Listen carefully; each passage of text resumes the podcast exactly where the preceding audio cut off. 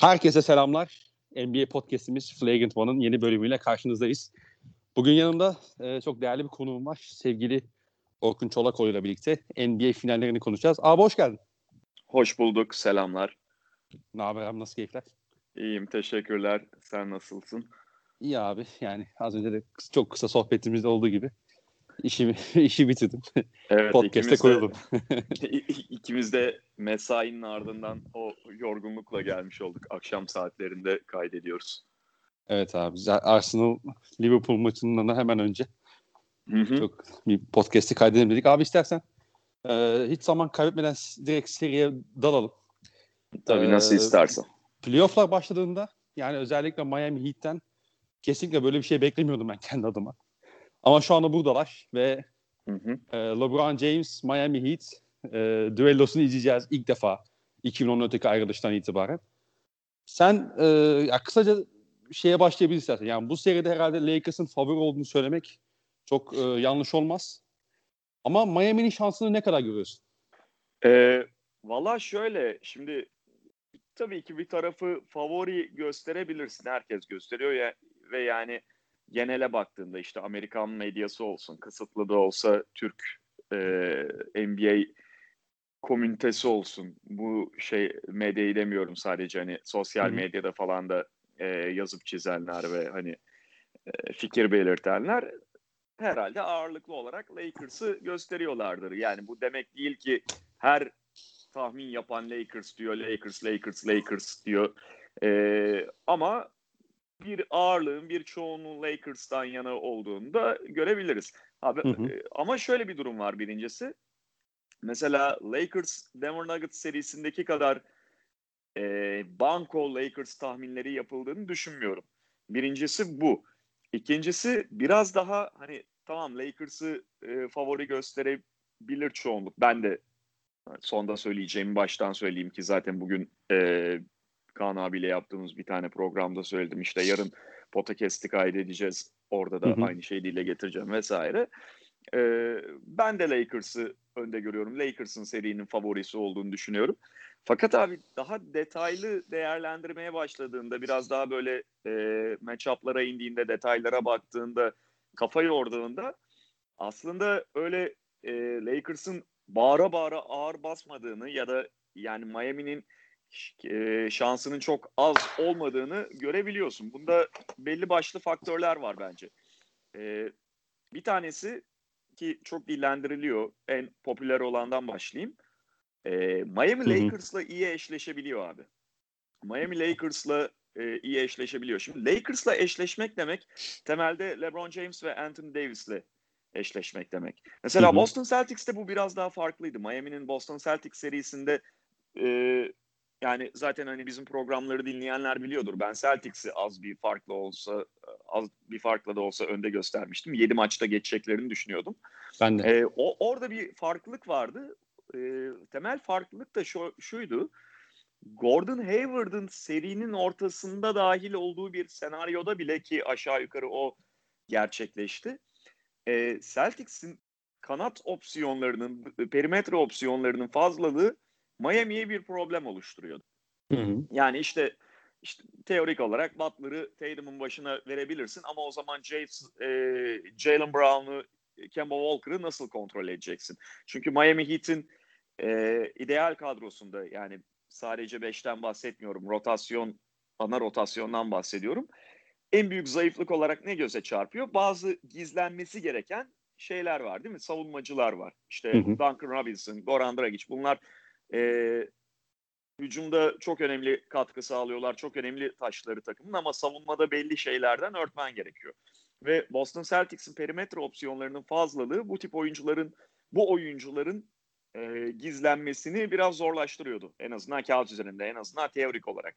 O yüzden Celtics öne çıkarmıştık. Şimdi Lakers'a karşı farklı bir durum var. Lakers'a karşı Lakers'la iyi eşleşmek temelde LeBron ve Anthony Davis'le iyi eşleşmek. Mesela Denver Nuggets bunu tam anlamıyla yapamıyor.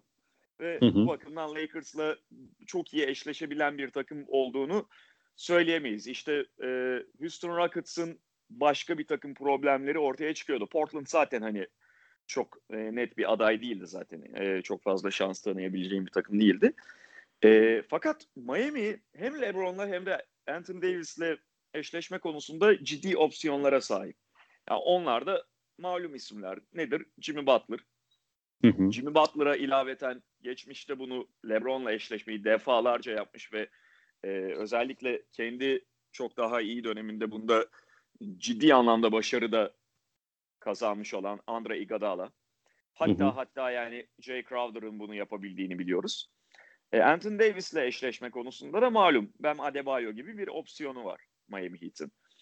Diğer şeye gelelim, paranteze gelelim. Mesela Boston Celtics serisinde işte e, Miami'ye en büyük dezavantajı oluşturmasını beklediğimiz Duncan Robinson'ın ve Goran Dragic'in bu tip oyuncuların savunma zaafları Lakers'a karşı o kadar sırıtmayabilir. Çünkü Lakers serisinde, Lakers eşleşmesinde bunları gizleyebileceğin oyuncular var. Nedir o? Kentavius Caldwell-Pope. Nedir o? İşte oyuna girdiğinde Rajon Rondo, e, Danny Green. Yani hı hı. sen bir Duncan Robinson'ı Danny Green'in başına verdiğinde e, Danny Green, Duncan Robinson'ın görece ayak yavaşlığından topu yere vurarak faydalanabilecek bir oyuncu değil.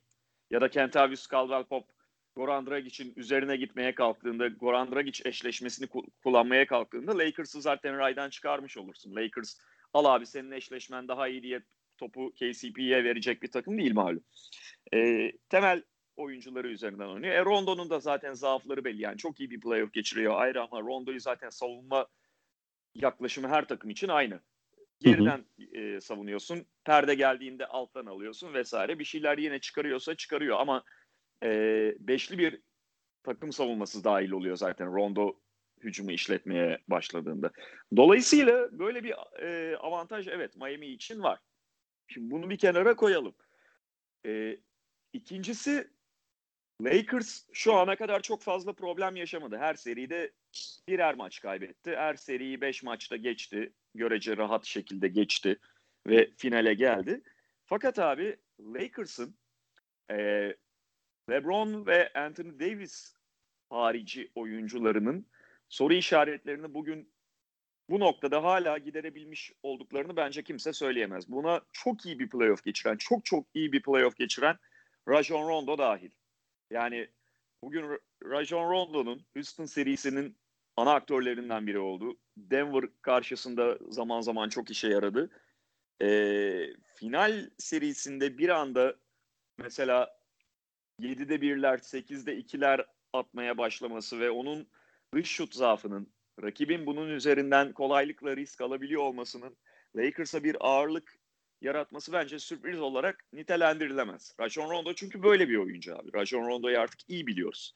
Hı hı. E, Kyle Kuzma'nın hali ortada yani bir maçı bir maçına uymuyor, bir periyodu bir periyoduna uymuyor. E, böyle geldi böyle gidiyor.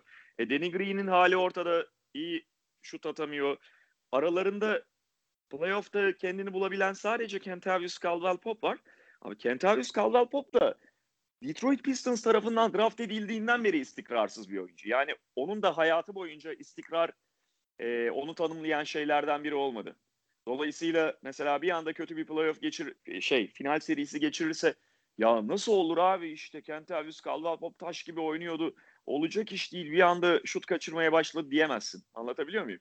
Tabii. Yani bir tek aşağı yukarı güvenebileceğin e, daha sabit bir iş yaptığı için Dwight Howard. E, o da yani Bam Adebayo, Anthony Davis'in üzerindeyken evet bir eşleşme avantajı sağlayabilir Lakers'a. Ama bu Lakers'ın tırnak içindeki diğer oyuncularının, LeBron ve Davis dışındaki oyuncularının e, hala bilinmez olması, özellikle şut performanslarının çok dalgalı ve soru işareti olması Miami'ye bir başka avantaj getiriyor.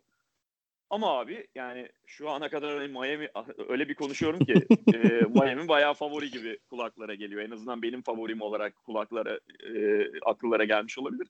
Fakat abi yani diğer tarafta LeBron'la Anthony Davis yani Lakers güçlerini gücünü başta bu adamlardan alıyor ve her ne kadar Miami eşleşebiliyor olsa da LeBron James ve Anthony Davis'le eşleşebiliyor olmak sonuçta bu adamları Miami Heat'in toplam 10 sayıda tutacağı anlamına gelmiyor elbette.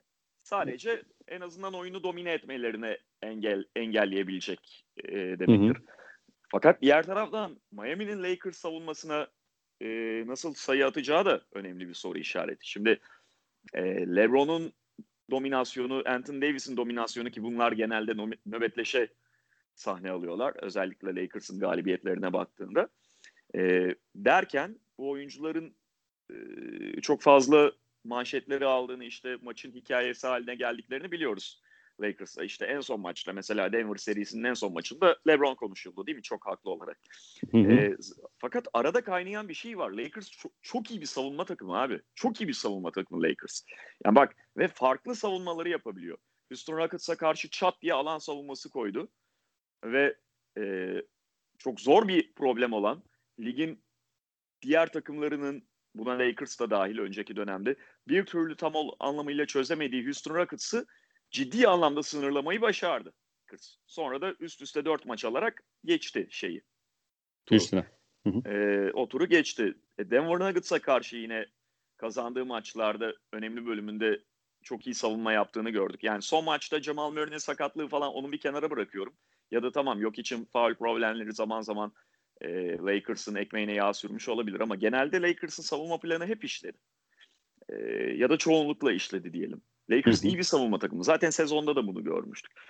E, ve Celtics'e karşı da zaman zaman çok zorlandığını gördüğümüz Miami'nin elit bir savunma olan Lakers'a ne yapacağı da çok ciddi bir problem. Şimdi Lakers öyle ya da böyle LeBron'dan, Anthony Davis'ten bir şeyler alacak. Fakat bunun dengini Miami nereden çıkaracak? Ee, tabii yükü çok daha fazla oyuncuya bölüştürmeleri gerekiyor. Bir kere mutlaka Butler'ın Celtics serisinden daha iyi bir seri geçirmesi lazım. İşte e, ben ben Adebayo'dan her zaman şu son maçtaki dünkü son 6 dakika gibi ekstra bir 6 dakika yani üretici olmasını bekleyemezsin. Daha çok bitirici olmasını bekleyebilirsin. Ha yükü paylaştırıp e, yine e, yükü paylaştıracak Miami Heat ve yani sonuçta hiç sayı bulamayacaklar işte e, tamamen tıkanacaklar demiyorum ama Miami'nin de önünde ciddi bir problem var. E, Miami'nin de hücum sıkıntıları Celtics serisinde gördüğümüz hücum sıkıntıları Lakers serisinde yine bence karşımıza çıkacak. O yüzden hani biraz toparlarsam ben e, dediğim gibi detaylandırdığında Miami'nin belli avantajlarına baktığında o kadar da Lakers'ın ağır favori olmadığını düşünüyorum ama e, totalde Lakers'ı biraz önde görüyorum. Uzun bir yanıt ee, verdim kusura bakma. Yok estağfurullah. Abi mesela sen hani e, güzel bir noktaya değindin. Miami'nin hücumdaki bazı problemlerinden bahsettin. E, özellikle son iki maçta bir şeyi çok net gördük. Yani üçüncü pardon e, beşinci maçın üçüncü çeyreğinin başına yaptı. E, dör, son maçında üçüncü çeyreğin sondaki o Smart'ın top çalmasıyla başlayan bir şey vardı. O da e, Boston özellikle topa baskıyı inanılmaz arttırdığı dönemlerde evet. Miami'nin hakikaten bu noktada cevap veremediğini gördük. Özellikle işte Tyler Hero'nun yaptığı top kayıpları var. Şimdi bence Lakers'ta bu noktada bu iş yapacak personeller yeteri kadar mevcut. Yani Danny Green'den bunu istersin, işte KCP'den istersin, Rondo yapar, e, Caruso var. Yani özellikle Lakers doğru anları seçtiğinde ve bu bas, topa baskıyı arttırdığında özellikle çok e, acayip şey seriler yakalayabilir diye düşünüyorum. E, Kesin. Bunun yanı sıra mesela hani biz evet işte sen de bahsettin ya Bam Adebayo Anthony Davis'e çok iyi eşleşiyor. E doğru. Ama diğer taraftan Anthony Davis de Bam Adebayo ile çok iyi eşleşiyor.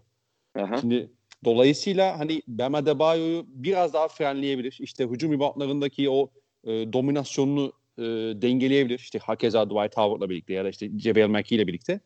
E, bir de abi Lakers'ı savunmada şeyi izlerken çok ben hayran kalıyorum ya.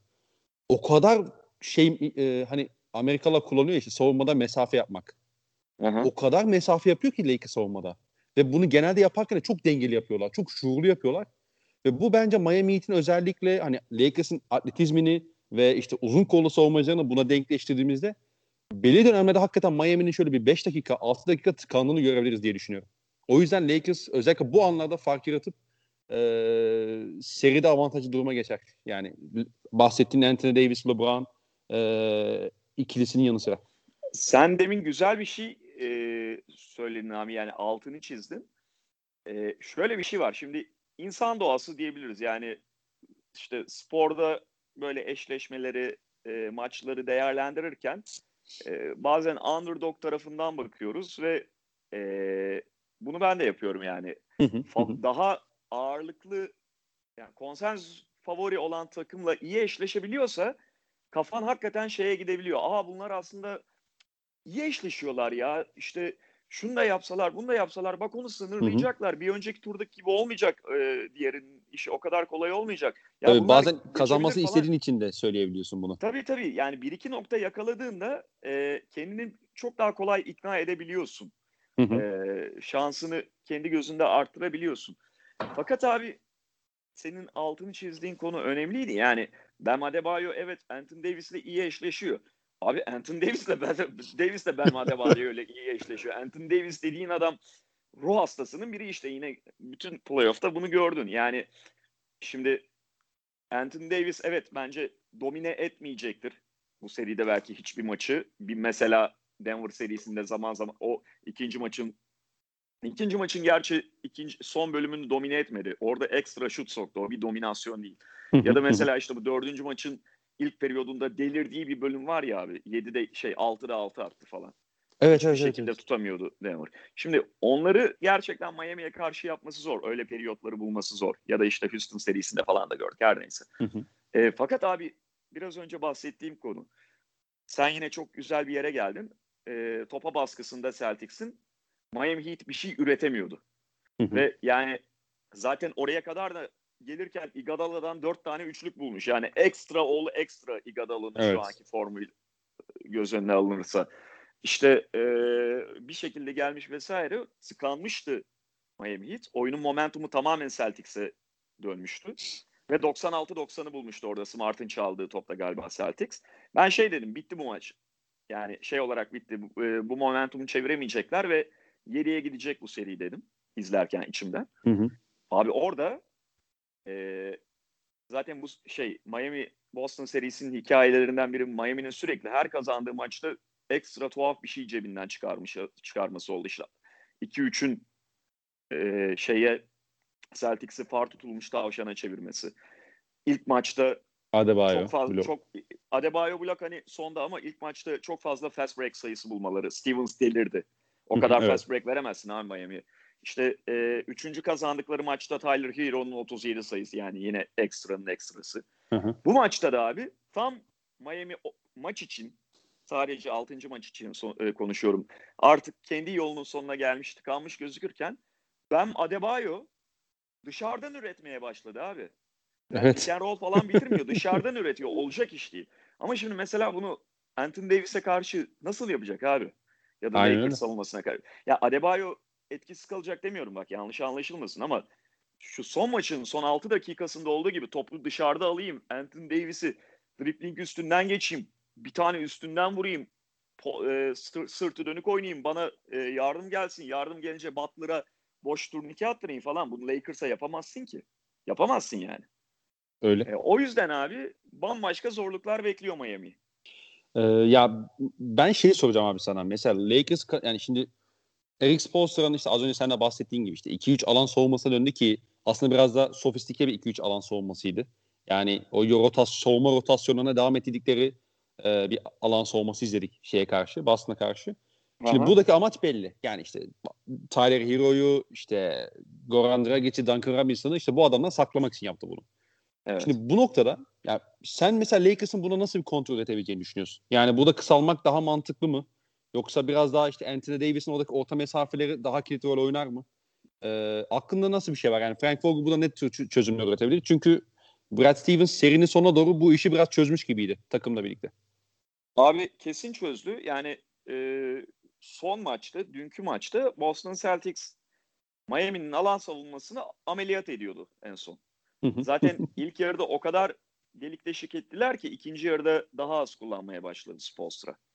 E, bence mesela ikinci yarıdaki e, şut performansının Celtics'in çok darmadağın olması, baş aşağı gitmesi, alan savunmasının falan başarısından ziyade e, dakikalar ilerledikçe özellikle son o 6-7 dakikada e, Miami'nin kazandığı momentumla birlikte Celtics'in yaşadığı baskının onları çok kötü kararlara falan yöneltmesi ve orada Smart falan yine Marcus Smart'ın öyle şeyleri vardır. Saçma sapan tercihler Tabii. yaptı işte e, çok panik atışlar görmeye başladık Celtics'ten. Panik hiçbir zaman iyi değildir. Mesela bomboş şut at, panikle atıyorsan kötü şuta dönüşür bir anda ki onu gördük Celtics'te.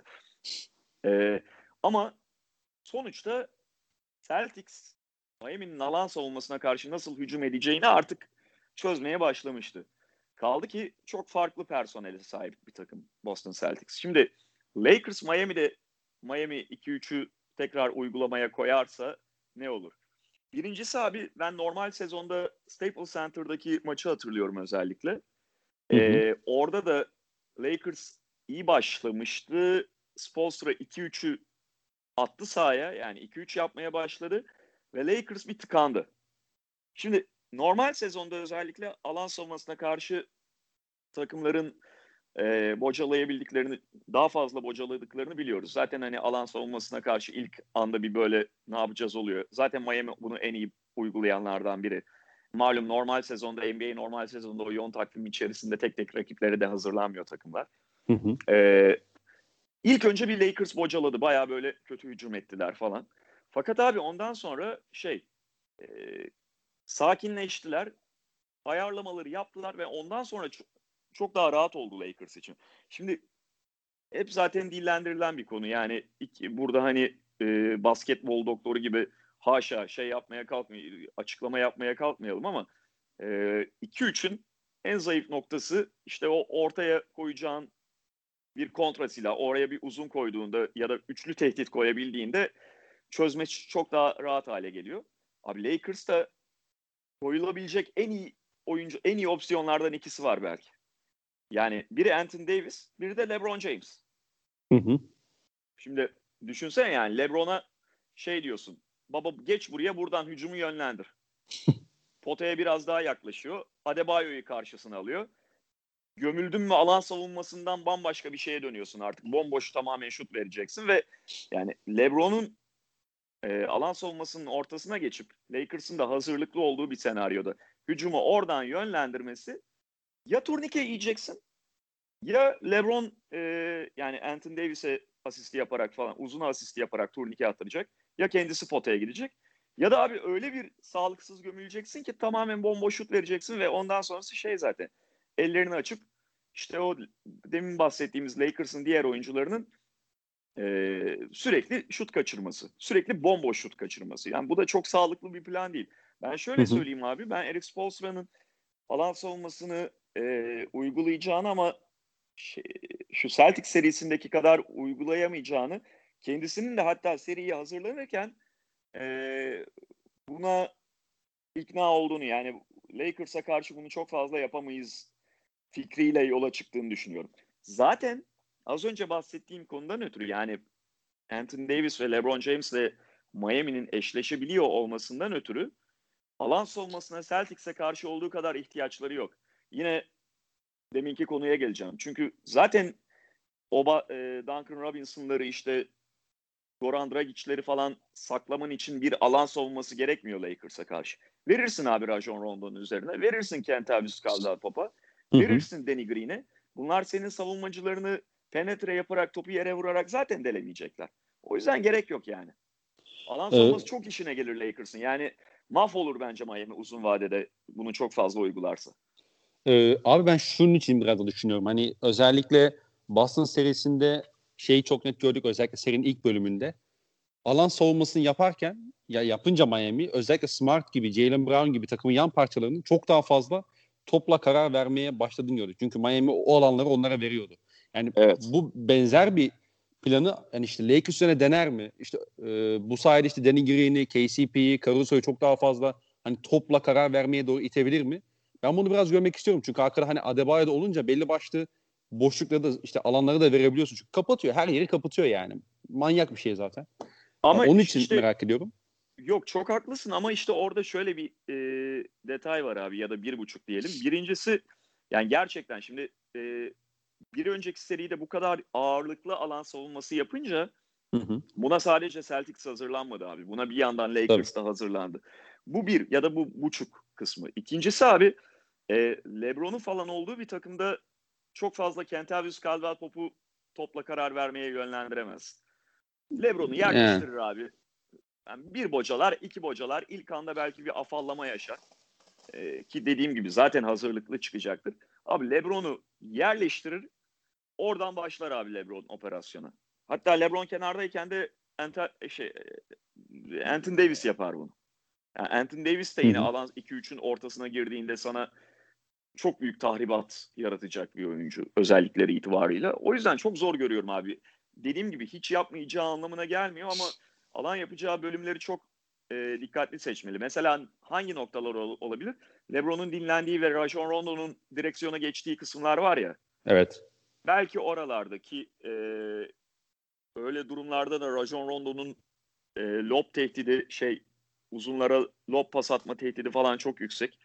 E, ayrı konu ama oralarda Lakers'ın ritmini bozmak için e, bu tip savunmalar deneyebilir fakat Celtics serisindeki gibi bir ana plana dönüşmesi bence imkansız bu seride Miami açısından. Ee, bir de ben hani Lakers kısmında şeyi çok merak ediyorum. Şimdi Frank Vogel bence totale bakınca gayet iyi bir playoff dönemi geçiriyor. İşte kah Hı-hı. işte ilk 5 yaptığı değişiklikler olsun. E, kah yaptığı işte ufak dokunuşlar olsun işte pick and roll savunmasında rakibin zayıf tarafını hücum etme konusunda vesaire. Ama bazen belli noktada o so, yani dakika dakikaları çok net ayarlayamadığını düşünüyorum. Yani mesela ben e, yani Denver serisinde gördük bunu. Houston serisinde ilk başta gördük. Yani Rondo, Davis ve bir uzunla birlikte sahada kaldığı zamanlar oluyor Lakers'ın. Mesela onları ben bu seride tamamen hani sıfırlaması gerektiğini düşünüyorum. Çünkü alanı hiç açamıyorsun o şekilde.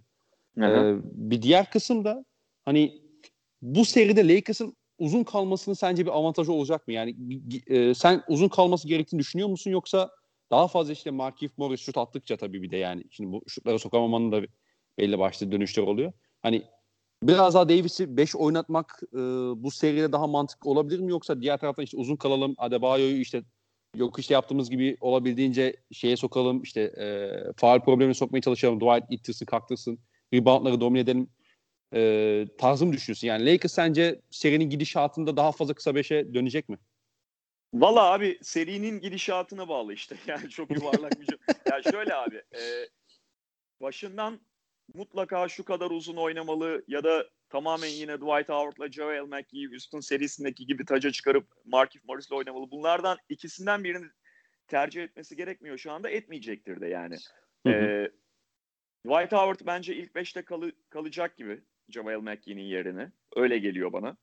Ve e, uzun beşle başlar yine.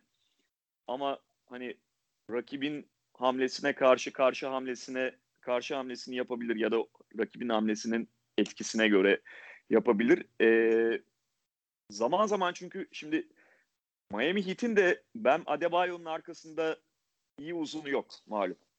Tabii abi zaten beş, direkt 5 kısaya döndü Adebayo'nun olmadığı Tabii yani o, Olinik falan çünkü uzun sayabileceğin e, oyuncular değil. Dolayısıyla Dwight Howard'ı e, Dwight Howard'ın ya da işte kısıtlı sürelerde JaVale McGee'nin falan sahada olması bunu Denver serisinde de gördük. Sana ciddi rebound avantajları da getirebilir.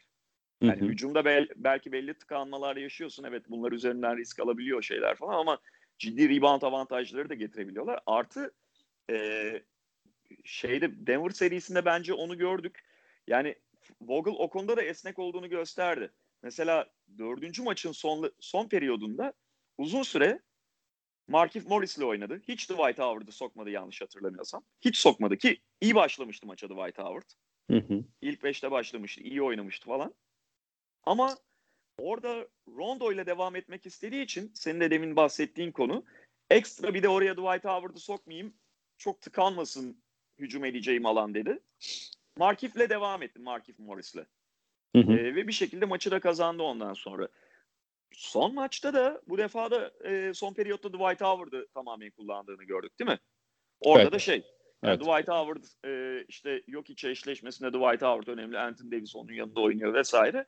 Onun üzerinden devam etti. Dolayısıyla Frank Vogel'ın maçtan maça dahi burada e, esneklik gösterebildiğini görüyoruz. Ve dediğim gibi yani burada e, Miami serisinde bence Lakers'ın kesin bir şeyi yok. Formülü yok. Yani şunun illa uzunla Anthony Davis'in yanında ekstra bir uzun daha ya da Anthony Davis 5 numara 4 numara Markif Morris daha alanı açan bir 5'le oynaması gerekiyor falan. Ee, bu Bunu tahmin etmek için haritası bu, çizmesi gerekmiyor. Ee, birazdan dediğin gibi serinin ne getireceğine bağlı yani evet. Bence ee, yani bütün beşleri kullanabilir. Bütün beşleri kullanabilir. Ya burada mesela benim hani Miami kısmına gelecek olursak buradan hani geçen seride şeyi çok net gördük bence. Özellikle Lakers işte Torrey Craig, Paul Millsap, Jeremy Grant gibi oyuncuların hücumda rolünü arttırmaya çalıştı ki hani Grant'in çok iyi oynadığı, sürekli çizgiye gittiği bir maç var. Hani kazandıkları üçüncü maç olması lazım. Ee, evet. Ee, hani onun dışında işte Grant'in çok istikrarsız olduğunu gördük. İşte Millsap'in biraz istikrarsız olduğunu gördük. Torrey Craig zaten hani hücumda size şu, e, zaman zaman kat ve arada işte üçlük katkısı dışında çok fazla bir şey verebilen bir oyuncu değil ki kötü şut attı. E, dolayısıyla hani burada bence mesela Jay Crowder'ın, Iguodala'nın yani bu tarz isimlerin çok e, fark yaratıp yani ekstra katkı vermesi lazım abi bence. Çünkü Lakers onlara o alanları verecek ama işte bunları ne kadar değerlendirebilecek? Yani işte Jay Crowder'ın Boston yani seviye arttıkça e, hücumda bazı şeyleri daha fazla yapmak zorunda kaldığında ki hani serinin içerisinde 3. maçtan itibaren olması lazım. Kemba'yı verdi mesela şeyin üzerine. Jay Crowder'ın üzerine ve Jay Crowder daha fazla top işte pick and pop tehdidi olmaya çalıştı. Biraz daha topu bir, bir defa iki defa yere vurayım öyle işte şut atayım'a kalktı vesaire. Yani hücumda rolü arttı biraz. Ve bunun Miami'yi çok e, hani olumsuz yönde etkilediğini gördük. Yani bu seride de mesela e, onun rolünü arttırabilir Lakers. Hani Frank Vogel da bunları yapabilecek bir koç. Burada Jay Crowder, Iguodala işte hani oynarsa Solomon Hill gibi oyuncuların ki yani Solomon Hill da yani 5 dakika falan oynayacak gerçi de bu oyuncuların işte o bölümlerdeki katkıları hücumda yapabilecekleri bence Miami'nin kaderini direkt belirleyecek. Ee, kesin abi çok kritik orası. Yani e, senin bahsettiğin konu çok önemli. Eğer Jay Crowder işte e, üzerimde benim yiyeceğim bir savunmacı var. Ben bunun üzerinden hücum edeyim diye harekete geçerse ki bu arada Lakers'ta mesela tam olarak öyle bir savunmacı yok. Yani kısa bir oyuncu üzerinden yine Kemba Walker'ın üzerinde kaldığı gibi kısa bir oyuncu önümde kaldı. Buna karşı işte penetre edeyim, ha, sırtımı döneyim falan demeye kalkarsa o zaten Lakers'ın işine gelir. Tıpkı ters tarafta hani şey diyoruz ya zaten Kente e, Duncan Robinson diyelim ki Danny Green'in üzerinde Lakers o zaman Danny Green'in üzerinden penetre ile falan hücum etmeye kalkmayacak. Miami'nin de aynı şeyi yapmaması gerekiyor. Yani Jay Crowder, Iguodala Iguodala biraz daha farklı tabii. Yani Iguodala sonuçta topu yere vurabiliyor. E, bunların ama sonuçta e, temelde yapmaları gereken ceza şutu sokmak. E, şöyle bir konu var. Jay Crowder malum bir anda şeye girdi. Tünele girdi şut konusunda. Hı hı. Ve son maçta işte iki tane eline soktu ama yani son birkaç maçtaki özellikle Celtic serisinin genelindeki hali pek parlak değil Miami açısından. Toparlayabilir mi? Toparlayabilir. Bazen bir seriden diğer seriye geçmek, yeni bir seri açıyor olmak şutörlere iyi gelebiliyor. Kötü e, seri yakalayan, kötü ritimde olan şutörlere iyi gelebiliyor. Belki Jay Crowder'ı da resetleyebilir o anlamda. E, fakat tabii Andre Iguodala falan mesela çok büyük konu. Yani dedim ya demin ekstra oğlu ekstra katkı aldı 4 üçlükle şu son maçta ama Andre Iguodala'dan kaç defa onu bekleyeceksin mesela? Ee, ve Lakers'ın falan herkes gibi ondan onun üzerinden risk alacağı ortada. Dolayısıyla yani e, bunların eşleşmelerine bakmadan mümkün olduğunca Dragic, Tyler Hero, hı hı. E, efendime söyleyeyim Jimmy Butler, zaman zaman Bam Adebayo bunların dribbling üstü üretiminden bir şeyler çıkarmaya e, ağırlık vermeli Miami.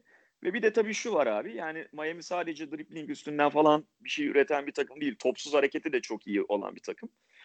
Ee, o da yine en önemli silahlarından biri olacak.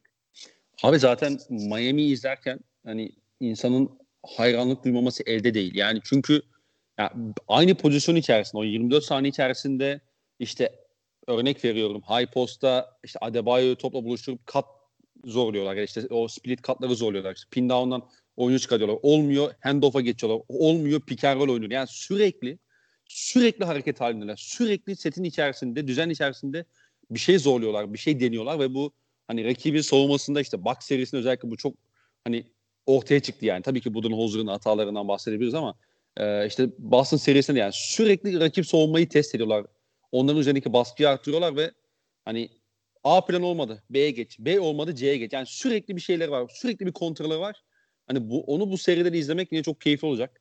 Ama işte evet. hani onu ne kadar devam ettirebilecekler? Yani şimdi karşı tarafta hani ya tamam Tatum çok özel bir oyuncu. İşte Brad Stevens çok değerli bir koç vesaire ama şimdi karşında Tatum olmasıyla LeBron James olması arasında çok ciddi fark var abi. Yani psikolojik anlamda çok ciddi fark var yani. Ya şöyle bir durum da var ayrıca abi. Ee, senin bahsettiğin konu yine çok önemli. Yani Miami düşmüyor kafaca ve kendi planını uygulamaya çalışıyor. A planı tutmadığında A, hücumda A opsiyonu birinci opsiyon olmadığında hemen ikinciyi zorlayabiliyor falan ve biraz karşı takım savunma yapan takım onların hücumuna karşı mental olarak düştüğünde o aksiyonu takip edemediğinde çat diye bir tane Duncan Robinson üçlüyü yiyebilirsin. Ya da işte e, bir anda backdoor kat kaçırabilirsin falan. Fakat abi şöyle iki problem var Miami açısından. E, birincisi Lakers gerçekten iyi bir savunma takımı ve yavaş yavaş yani artık zaten final noktasına da geldik. E, o tip şeyleri de temizlediler aralarında. Yani uyuyakalma potansiyeli yüksek oyuncuları falan da e, temizlediklerini görüyoruz. Temizlemedikleri de çok daha uyanık şu anda. Mesela hı hı. normalde Lakers'ta topsuz harekete karşı en zaaf yaratabilecek oyuncular kimdir? Rajon Rondo. Of of of yani.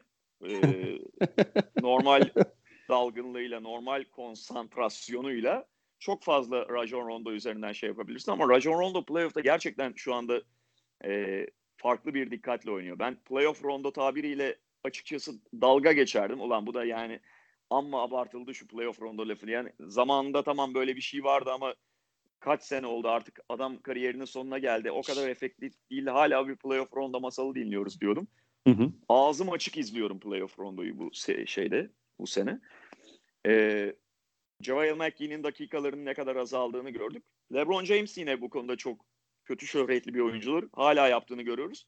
Ama abi sorun şu ki LeBron da mesela playoff'ta çok daha dikkatli savunma yapıyor artık. Bir finale geldik. Hani kendi şeyi için e, kendi kariyerinde bu finali kazanmanın, bu şampiyonluğu kazanmanın ne kadar önemli olduğunu biliyor.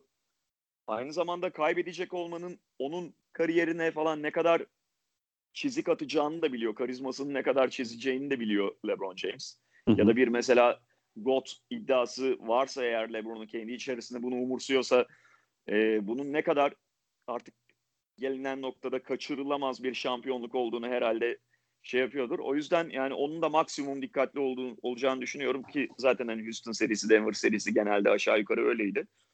Hı hı. Ee, ya bu demek değil ki Miami hiç Lakers savunmasından kurtulmayacak falan onu kastetmiyorum ama azami dikkatli bir Lakers beklemek gerekiyor. Miami'nin de o topsuz hareketinin ve e, ikinci, üçüncü aksiyonları hep zorlayan yapısının karşısında Lakers çok uyanık olacaktır bence. Ee, abi kesinlikle öyle ama işte mesela ya Spolstra burada kimleri nasıl seçeceğini çok iyi biliyor ya. Mesela Boston serisinde Nick Nurse'un yaptığı bence bir hataydı. İşte çok fazla Smart ve Jalen Brown'a e, toplu oyunu savundurup onlar üzerine işte Siakam üzerinden gitmeye çalıştı. E, şey de tam tersini yaptı Eric Spoelstra'da. Özellikle e, sürekli şey dikkat etmişsindir abi. E, Jalen Brown'u sürekli Duncan Robinson'la ve Tyler Hero ile eşleştirdi hücumda. Ve Hı-hı. sürekli Tatum toplu oyunu savunmaya başladı ve hani orada e, işte Jalen Brown'un çok böyle hani anlık dalgınlıklarını özellikle Duncan Robinson'ı çok güzel cezalandırdılar serinin belli bölümlerinde. Hani dolayısıyla mesela burada hani sanmıyorum ama işte LeBron'un, KCP'nin hani olduklarından 3 kat falan daha uyanık olmaları lazım seri genelinde. Tabii tabii. Yani ben o zaten şey abi o olmazsa olmaz. Hani zaten e, böyle normal şeyleriyle falan oynayamazlar. Hı hı. Benim dediğim şimdi mesela Kentavius Caldwell-Pope zaten artık playoff'ta iyice keskinleşen biçimde ana görevi savunma olan bir oyuncu. Savunma hı hı. konsantrasyonu temelde oluyor ve hücumda da zaten e, boş şutu sokmak. Yani e, e ve şey mesela Kentavius Caldwell-Pope'un başka bir sürü eksiği var ama savunmada verilen görevi yapmaya gayret eder. Hı hı. E, playoff'ta da öyle ya bu herif daldı gitti yine demezsin çok. ya birebir eşleşmesini mesela birebir eşleşmede tuttuğu adamı tamamen sınırlayamayabilir. Atıyorum James Harden tutuyordur tamam mı? James Harden'ı e, tutarken yine Harden'ın 35 attığını görebilirsin. Yeterli olmayabilir. Fakat James Harden'ı topsuz bir hareketini böyle e, kaçırıp da ondan sonra boş şut vermesi çok şey değildir. Birebir yenilir anladın mı? ee, ya da işte LeBron James evet dediğin gibi o konuda her zaman olağan şüpheli ama işte playoff'ta onun da konsantrasyonu çok arttı. Ya zaman zaman mesela Anthony Davis kenardayken e, hatta Dwight Howard'ı falan da kullanmıyorken Frank Vogel 5 numarası oluyordu LeBron James tak takımın ve nasıl çember savunması yapıyor abi? Abi inanılmaz hakikaten. Şimdi tabii ki çember savunmasının dikkatiyle e, mesela şutörü kaçırmamanın dikkati farklı ama yani sonuçta savunma dikkati falan çok daha yukarıda LeBron James'in e, savunma uyanıklığı, farkındalığı. Rajon Rondo'dan biraz önce bahsettim hani aynı şeyleri tekrarlamayayım. Burada yani iflah olmaz şeyler Lakers açısından bir Joel McGee var. Onun artık dakikası çok azaldı zaten. Dwight Howard her zaman zaten foul problemine falan girebilir ama foul problemi ayrı bir şey abi. Dwight Howard yani e, zaman zaman zarar verecektir. Mesele Denver serisinde olduğu gibi artısı eksisinden fazla olacak mı? Denver serisinde bu oldu. Aynen. E, Lakers açısından mesela Dwight Howard'la ilgili konu eksileri göze alacaksın. Bir takım masadan götürdüklerini göze alacaksın. Faal problemi gibi işte e, onun üzerine zaman zaman ters eşleşmede hücum edebilirler ya da hücumda onun üzerinden risk alabilirler ama artısı daha fazla olacak mı? Onu tartmak önemli. Ee, böyle yani. Ya son hani şeyi de ben merak ediyorum mesela e, Miami işte alan savunmasının yanı sıra özellikle pick and roll'lerde sürekli switch yapıyor. Hani Bam Adebayo'nun varlığı sayesinde. Yani mesela bu da Lakers'ın hani bir ben Spolstra'nın işte e, normalde işte bütün sezon yaptığı kadar e, her şeyi switchleyeceğini düşünmüyorum. Ben yine de olabildiğince Adebayo'nun işte e, şeyle Davis'le eşleşmeye çalışacağını düşünüyorum ama e, mesela burada Lakers'ın şeyi de çok önemli. Yani Adebayo'yu ne kadar çemberden uzaklaştırabileceksin? Özellikle bu switchlerde işte Anthony Davis e, o switch'i aldıktan sonra mesela ben özellikle bu playoff'ta çok iyi çıkardığını düşünüyorum. O hani ikili sıkıştırmalarına çok hazırdı abi bence. Yani Hı-hı. Denver serisinde de Houston serisinde de o ikili sıkıştırmalara çok hazırdı. Çok çabuk karar verip çok çabuk uyguluyordu. Ya bu seride de hani e, Anthony Davis'in özellikle bu noktalarda serinin en iyi oyuncusu olmak zorunda var. Yani belli dönemlerde özellikle. E, çünkü LeBron'un zaman zaman işte Denver serisinde bence biraz da gördük. Maç sonlarında yorulabiliyor. Çok, üzerindeki yük çok fazla olduğu için. Davis'in e, böyle iki maç falan çözmesi gerekecek gibi duruyor yani.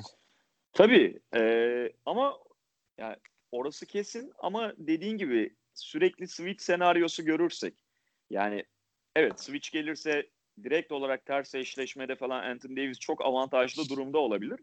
Fakat abi orada da şöyle bir şey var. Ee, Anthony Davis'in ters eşleşme yakaladığında buna böyle sırtı dönük abanarak ya da işte dribbling üstünden hücum etmesi falan Lakers için çok iyi olmayabilir. Bunu Houston serisinde biraz görmüştük. Yani e, o zaman zaman zaman şut atabilir üstünden eşleşmesine bağlı olarak. Ya da işte tek dribbling falan, tek dribbling üstü şut pekala alanın açıklığına göre bu hücum yapabilir. Lakers'ın esas kovalayacağı switch ama LeBron'un e, ters hı. Yani Miami, o. Evet, Miami eğer switch yapıyorsa onu LeBron üzerinden daha çok kovalamaya kalkabilir Lakers. Orada da abi yani LeBron'un e, switch kovaladığını gördüklerinde de bence tam bir switch yapmayıp şey belli perdelerin altından geçmeye kalkabilirler. Yani şutu verirler LeBron'a. Orada tabii bambaşka kontralar da devreye girecek. Yani bu defa Lakers'ın buna karşı hamlesi olacak. Ve tabii şey yani e, mesela konuşmadık. Sonuçta LeBron James'i en iyi tanıyan hatta bugüne kadar belki kariyerinde en iyi şekilde, en verimli şekilde kullanmış olan koçla karşı karşıya Lakers. Aynen öyle abi. Aynen öyle. Ee, peki e, her bir, her iki takımdan da birer X faktör söylemeni istesem bunlar kimler olurdu? Ya da neler olurdu yani sadece oyuncu bazında değil. Ee, bayağı hazırlıksız yakalandım bu soruya yani çok çok güzel soru ama şey e, bir şöyle hafif düşüneyim abi. Hiç konuşmadık ama mesela Kuzma'dan bir faktör olmasını bekliyor musun bu seride? Yok abi şöyle e, tek bir oyuncu değil de yani Lakers açısından e, başlarda söylediğim bir şey var. O diğer oyuncuların şut performansı hemen her seride Lakers için bir X faktöre dönüşebiliyor. Hı hı. E, ya daha doğrusu şöyle Denver serisinde ya da Houston serisinde Lakers oyuncu, oyuncular iyi şut attığı için geçmedi sonuçta seriyi. Başka hı hı. faktörlerle geçti. Ama en azından hani kazandıkları maçlarda da çok aşağıya çekmedi o oyuncuların şut performansı e, Lakers'ı. Hani mesela playoff'ta ilk maçı var ya Lakers'ın Portland'a karşı korkunç evet. şut atmışlardı. 32'de 5 mi ne böyle saçma sapan bir şey. Yani öyle bir şeyin altından zaten kalkamazsın. Ya da işte bu Denver'la oynadıkları kaybettikleri 3. maçta 26'da 6 mı ne atabildi Lakers mesela. Yani o 26'da 6'ların yok 32'de 5'lerin falan altından kalkamıyorsun artık 2020 yılında. Ama e, hı hı. bu seride Miami'nin tarzı gereği falan da biraz daha fazla X faktör haline gelebilir. Kuzmaların, işte Rondo'ların, Caruso'ların, hı hı. Danny Green'lerin falan şut performansı öyle bakıyorum. Ee, diğer tarafa baktığımızda da valla biraz kararsız kaldım ama orada da belki yani Jim Butler'a da X faktör denmez ki abi takımın zaten yıldızlarından biri ama yani şöyle abi şu şekilde toparlamaya çalışayım onu. Jimmy Butler Celtics serisindeki gibi oynayamaz bence. Tabii ee, yani muhakkak. Miami'nin gerçek anlamda bir şansın bulunması için. Çünkü abi Tyler Hero 37 işte Bam Adebayo 30 bilmem kaç. Hı hı. Lakers bunlara çok iyi izin vermeyecek.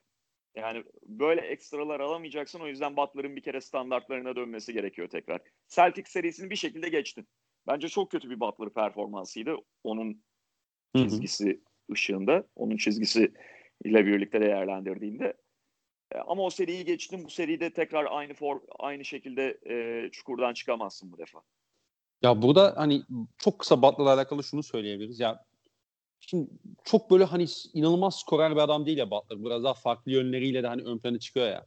Yani biraz o oyun tarzı da sanki onu sınırlandırabiliyor gibi geliyor bana. Yani işte bir Kawhi'nin şeyinde değil. Yani sonuç olarak evet ilk işte ilk maçta şeye karşı e, Bucks'a karşı 40 sayı attı vesaire ama hani kariyer rekoru playoff'ta zaten 32 miydi neydi en son galiba. Yani evet. çok böyle inanılmaz skor potansiyeli olan bir adam değil. Ama maç sonunda Doğru. inanılmaz yanıyor.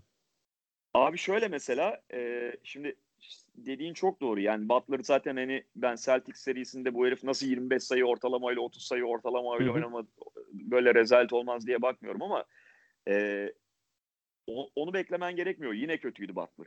Ve evet son periyotlar zaman zaman maç sonlarını çok iyi oynuyor ama mesela son maç şu 6. maç çok şanslı ki Butler birincisi medya ile arası çok iyi ve oluşturduğu bir algı var bir şey konuşulacaksa bile Butler'a biraz daha kredi tanınıyor. Yani başka bir oyuncu olsa ikinci maçta başlamıştı buna bu ne kardeşim diye. Hı hı. İki, e, ikincisi Adebayo kurtardı pisliğini temizledi. Son maç felaket oynuyordu abi Butler. Dökülüyordu yani. İkinci yarı sahada yok. Evet. Yani bir tane mi ne isabeti bulabildi. Ee, bu kadar şey olan faktör olmama yani bu kadar az faktör olursa hücumda çok zor Miami'nin işi. 25-30 sayılardan bahsetmiyorum ama böyle kapıyı zorlamalı yani. Daha fazla dümene geçmeli katılıyorum. Çünkü ee... e, yani bir de işin diğer tarafı var tabii. Sonuçta LeBron James'le temelde birebir de en iyi eşleşecek oyuncusu Butler Miami Heat'in. Yani evet Andre Iguodala da var ama Andre Iguodala'nın LeBron James üzerindeki savunmasını bir ne kadar kullanacaksın? Yani 25 dakika mı oynatacaksın Andre Iguodala'yı? O zaman başka problemler doğabilir. Her Aynen akşam öyle. çünkü 4 üçlük bekleyemezsin. 3 tane üçlük bekleyemezsin Igadala'da. Tabii. Ya da işte alan açabilmek için belki bu da şey yapabilirsin. İşte Oli'ni kullanabilirsin. Hani Oli şeyin yanında ama bu sefer başka problemler ortaya çıkabilir ki zaten kullanmıyor da. Evet, ee, evet.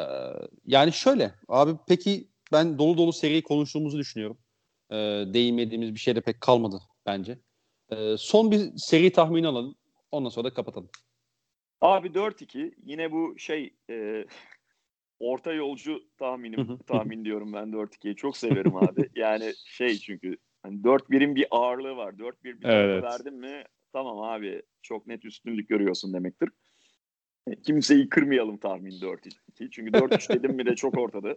Ben Lakers'ı zaten hani dilimiz döndüğünce anlatmaya çalıştığımız gibi sen de sanıyorum benzer fikirdesin. Ee, favori görüyorum ama favori görürken de ağır favori görmüyorum. İkisi arasında net bir fark var. Hı hı. Miami'nin de ne yönlerden Lakers'a problem yaşatabileceğini zaten yine anlatmaya çalıştık. Ee, ama Lakers'ı önde görüyorum ve 4-2 diyorum. Ben de 4-2'ye çok yakınım abi. Yani bir 4-3 diyesim var. O şova giresim var açıkçası ama e, ben de hani orta yolcu olup kimseyi kırmadan tertemiz 4-2'mi söyleyeyim. E, abi öncelikle hani davetim kırmadığın için çok teşekkür ederim. Ben teşekkür ederim. Ee, bir kez daha bu arada kusura bakma ilk attığım maile epey geç cevap verebilmiştim o dönemki yoğunluğumdan ötürü. Yani o dönem aslında e, işte Daha erken de yapabilirdik ama bugüne kısmet kısmetmiş. Ta- tahmin edebiliyor tahmin edebiliyorum abi yoğunluğu sonuç olarak. E, maç yani sezonda açılınca tabii futbol sezonu, basketbol sezonu vesaire. Evet. E, haliyle yoğun çok olabiliyor. Abi istersen ben seni e, daha da fazla tutmayayım. Sen istersen maça geç buradan.